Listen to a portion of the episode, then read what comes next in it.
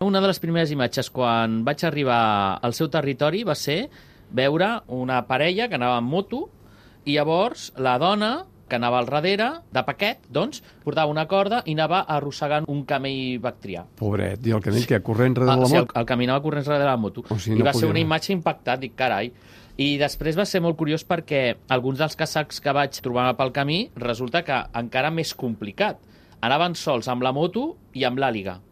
Eh? Amb l'àliga Amb l'àliga. a l'espatlla, aquí, eh, en un costat. Bueno, de- conduïen la moto amb una mà i amb l'altra portaven l'àliga, o bé agafaven l'àliga i a darrere de la moto hi havia com una mena de com de sacs on posaven l'àliga, o inclús en el... I l'àliga anava dreta sobre els sacs.